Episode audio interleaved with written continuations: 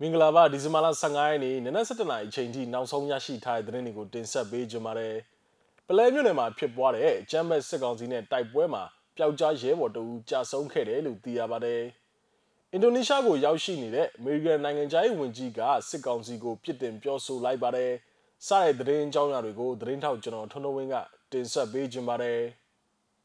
။ ပထမဆုံးအနေနဲ့တင်ဆက်ပေးခြင်းတဲ့သတင်းကတော့စကိုင်းနိုင်ဒေသကြီးပလဲမြို့နယ်ငန်းချောင်းကျေးရွာနီးမှာဒီဇင်ဘာလ23ရက်နေ့နနက်7:00နာရီဝန်းကျင်ချိန်ခန်းကအကြမ်းဖက်စစ်ကောင်စီတပ်နဲ့ဒေသခံပြည်သူ့ကာကွယ်ရေးတပ်တို့ကြားမှာမိနစ်20ခန့်တိုက်ပွဲဖြစ်ပွားခဲ့ရမှာဒေသခံပြည်သူ့ကာကွယ်ရေးဘက်မှရဲဘော်တူကြာဆုံးခဲ့တယ်လို့သိရပါတယ်။တမ17လောက်ခန့်ခလာရနှစ်တခွန်တရင်ကခြေလီစစ်ကြောင်းနဲ့တိုက်ပွဲဖြစ်တာသူတို့ကအင်အား60လောက်ရှိတယ်လက်နက်ကြီးတွေနဲ့တော်တော်များများပစ်တယ်ကျွန်တော်တို့ဘက်ကတယောက်ကြတယ် အလောင်းကိုတော့ပြန်ရတယ်ဒီနေ့တကြိုလိုက်တယ်ဟိုဘက်ကကြာဆုံးမှုကိုတော့မသိရသေးဘူးလို့ပြည်သူတော်လိုင်းတက်မတော် PRA အဖွဲ့ရဲ့တာဝန်ရှိသူတူကဆိုပါတယ်အဆိုပါထိတွေ့တိုက်ပွဲဖြစ်ပွားမှုကမိနစ်20ခန့်ကြာမြင့်ခဲ့ပြီးတော့အကြမ်းဖက်စစ်ကောင်စီဘက်ကလက်နက်ကြီးများဖြင့်အဆက်မပြတ်ပစ်ခတ်ခဲ့ကြောင်းသိရပါတယ်အဆိုပါတိုက်ပွဲကိုဒေသခံကာကွယ်ရေးတပ်များဖြစ်ကြတဲ့ပြည်သူတော်လိုင်းတက်မတော် PRA နဲ့ပလဲပစ်ဘက် Defense Force Headquarter တို့ပူးပေါင်းတိုက်ခတ်ခဲ့ခြင်းဖြစ်ပါတယ်။ ဒီဇင်ဘာလ10ရက်နေ့ကလည်းစကိုင်းတိုင်းဒေသကြီးပလဲမြို့နယ်ခင်းကျေးရွာရွာထိပ်မှာမကွေးတိုင်းကျော်မြို့နယ်မှာနေပြည်ရှင်းလင်းရန်ရောက်လာတဲ့တမစစ်လောက်ခံခမရနှစ်တစ်ခွန်တရင်မှာစစ်ကောင်စီအင်အား60ခန်းပြည့်ဒေသခံပျောက်ကြားအဖွဲ့တို့တိုက်ပွဲတွေဖြစ်ပွားခဲ့ပါသေးတယ်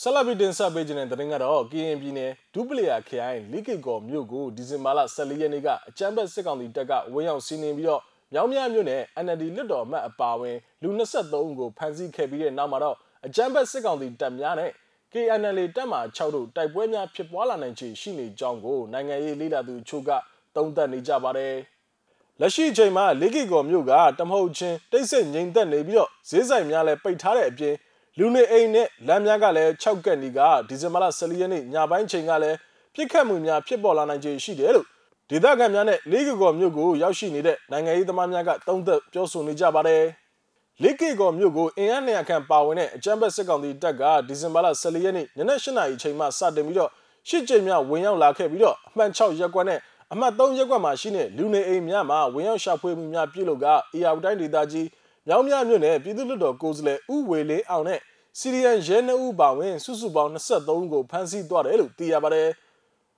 အဆိုပါဖမ်းဆီးမှုများပြုလုပ်ပြီးတဲ့နောက်မှာတော့အမှတ်၁ရက်ကွက်ကိုဆက်လက်ဝင်ရောက်လာတဲ့အကြမ်းဖက်စစ်ကောင်စီတပ်ကိုဒေသခံ KNL တပ်များကဝင်ရောက်ခွင့်မပေးတော့တဲ့အတွက်နှစ်ဖက်တင်းမာမှုများဖြစ်ပေါ်နေကြောင်းကိုနိုင်ငံရေးလေးလာသူအချို့က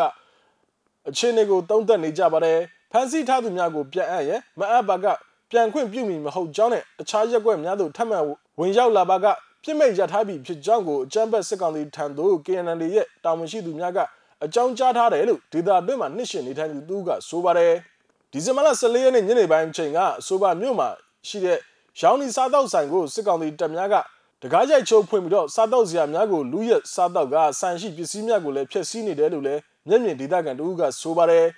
လေးကကော်မြို့မှာမြို့သားညီညွတ်ရေးအစိုးရလက်အောက်ခံ PDF တပ်ဖွဲ့ဝင်များနိုင်ငံရေးတက်ကြွလှုပ်ရှားသူများနဲ့စီရီယံပြည်လှုပ်ထားသူများဝင်ရောက်နေထိုင်တယ်လို့အကြောင်းပြချက်ဖြင့်အာဏာသိမ်းစစ်ကောင်စီလက်အောက်ခံခမရ960တရင်ကရင်းကဲ့သို့လှုပ်ဆောင်နေခြင်းဖြစ်ပါတယ်။ မြောက်ရီမြို့ရဲ့တောင်ဘက်မှာရှိတဲ့လိကိကောမြို့သစ်ဟာ KNU တပ်မှ6ထိန်းချုပ်နေမြေတွင်းမှာပဲတည်ရှိပါတယ်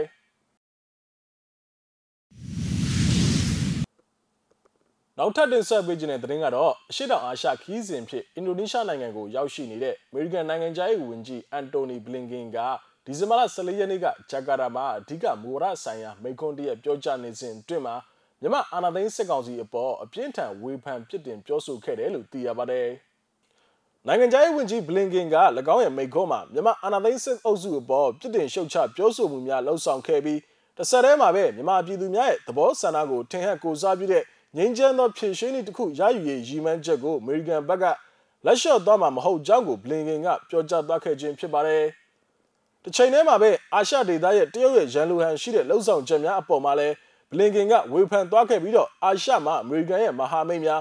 လုံခြုံရေးပါတနာများနဲ့ပို့ဖို့နှိကက်စွာပူးပေါင်းမဲ့အစီအစဉ်များကိုချမှတ်ခဲ့ပါတယ်။အာရှဒေသရဲ့လုံခြုံရေးကိစ္စရပ်များနဲ့ပတ်သက်ပြီးနိနိကကလှုပ်ဆောင်နေရင်ဒေသသို့ရေသွေးမြစ်အခြေခံအဆောက်အအုံနဲ့ကာကွယ်ဆေးများပေးရနိုင်ရဲ့အမေရိကန်အားထုတ်မှုကိုဘလင်ကန်ကအလေးပေးပြောဆိုခဲ့ပါတယ်။သမ္မတဘိုင်ဒန်အစိုးရနယ်ဖြစ်အာရှမှာ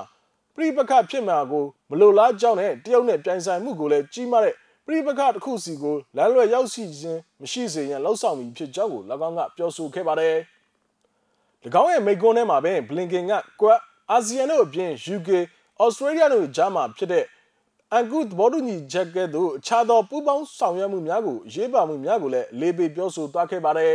။အမေရိကန်နိုင်ငံသားရေးဝန်ကြီးဘလင်ကင်ကယခုအရှေ့တောင်အာရှခီးစဉ်အတွင်းမှာအင်ဒိုနီးရှားပြည်လင်အခြားသောဩဇာရှိတဲ့ဒေသတွင်းနိုင်ငံများဖြစ်ကြတဲ့မလေးရှားနဲ့ထိုင်းနိုင်ငံတို့ဆက်လက်တွားရောက်ရန်ရှိနေပါတယ်။